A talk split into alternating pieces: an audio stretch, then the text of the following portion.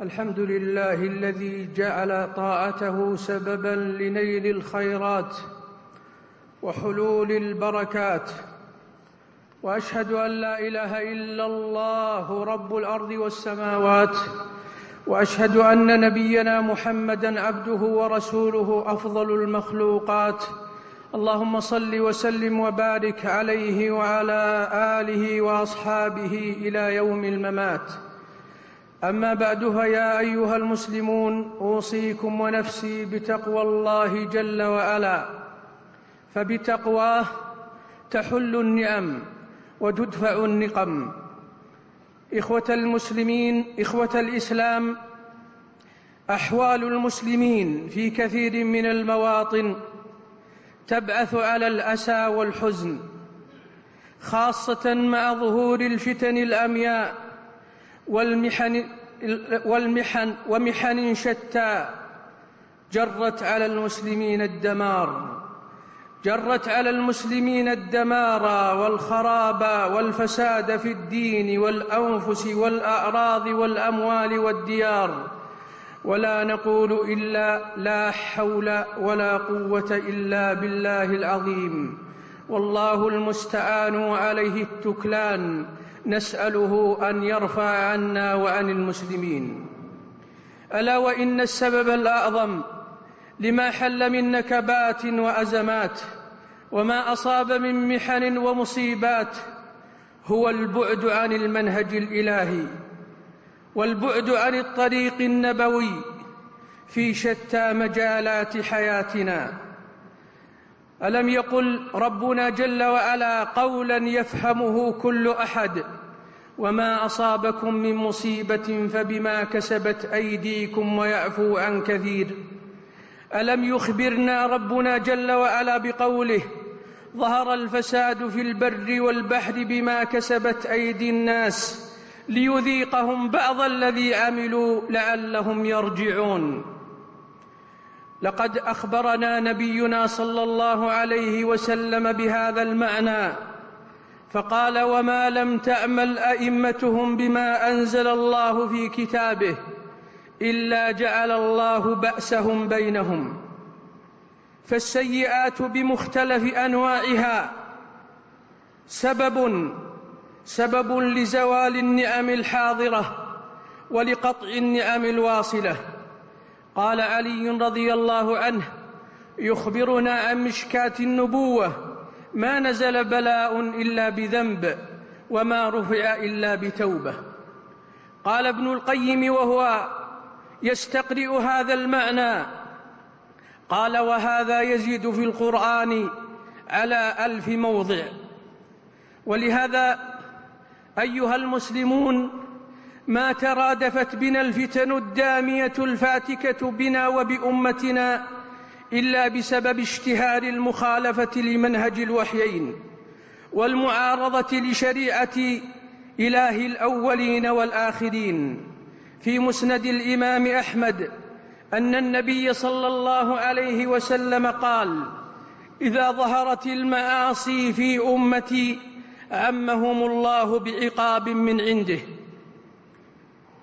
إذا تقررت هذه الحقيقة الغائبة عن كثير من النفوس البعيدة عن منهاج القرآن والسنة خاصة في القرون المتأخرة لهذه الأمة فلنعلم أن ثمة أصول كبرى وأركان عظمى متى أحكمها المسلمون بصدق وعملوا بها بإخلاص وحرصوا على تحقيقها بإتقان سلموا من الشرور ونجوا من ويلات المحن وقوارع الفتن وإلا فلا تسأل عما هو أعظم.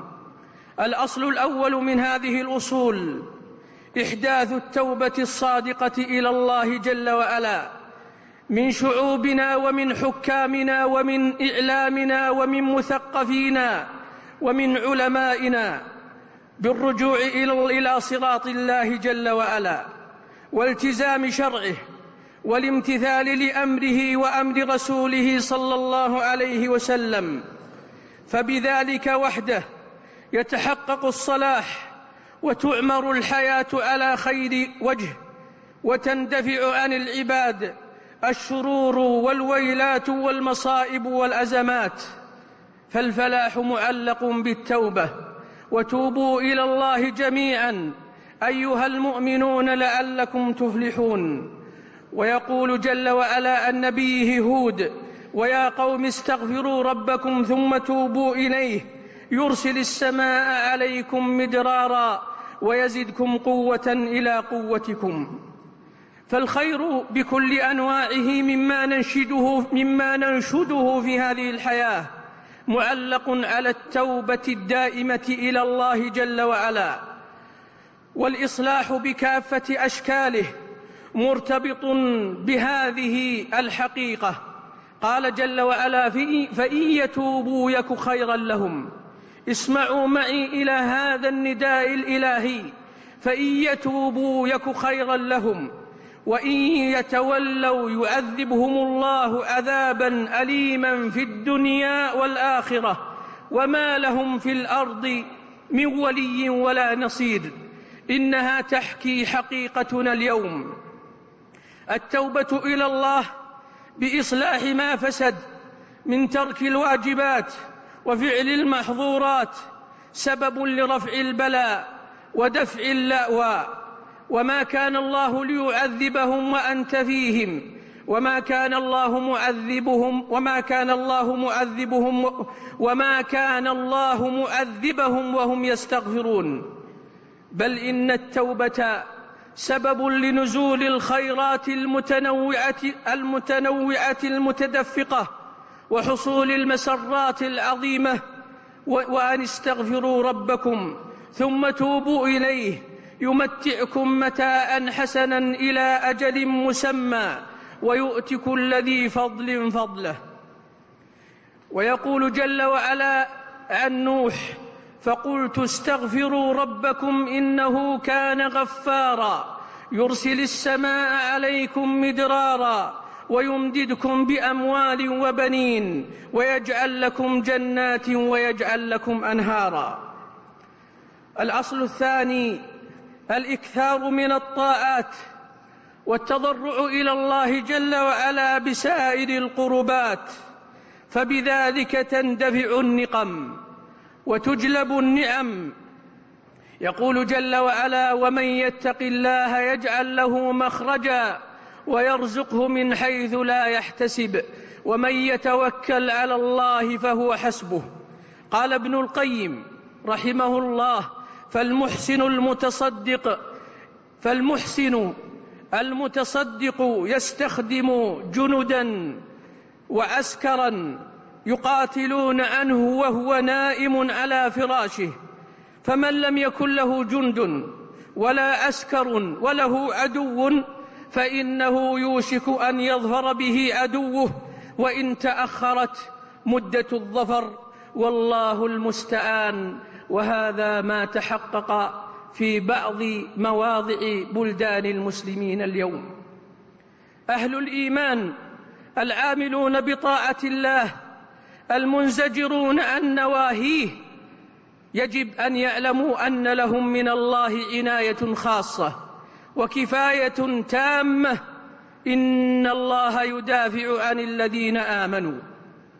لو أن الناس لو أن الأمة من الحكام والمحكومين قرأوا هذه الآية بتمعن ودراسة وتمحيص وتحقيق لها في أرض الواقع لما كانوا في مقام الذل والهوان. الأصل الثالث أنه حينما تخيم على الأمة ظلل الفتن وتتقاذف سفينتها أمواج المحن تعظم حاجتها إلى ترسم طريق النجاة لتصل إلى, على لتصل إلى بر الأمان وشاطئ السلامة. ولن تجد لذلك سبيلا. مهما حاولت مهما حاولت إلا ما لم تعالج. ولن تجد لذلك سبيلا.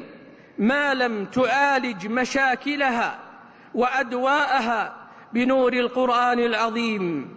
وسنة النبي الكريم عليه أفضل الصلاة والتسليم. وإذا كانت المآسي والمصائب تلفح وجه الأم تلفح وجه الأمة في كل واد. فليس أرجى ولا أنجى من تلمس الحلول في الوحيين. ويقول جل وعلا يقول جل وعلا واعتصموا بحبل الله جميعا ولا تفرقوا.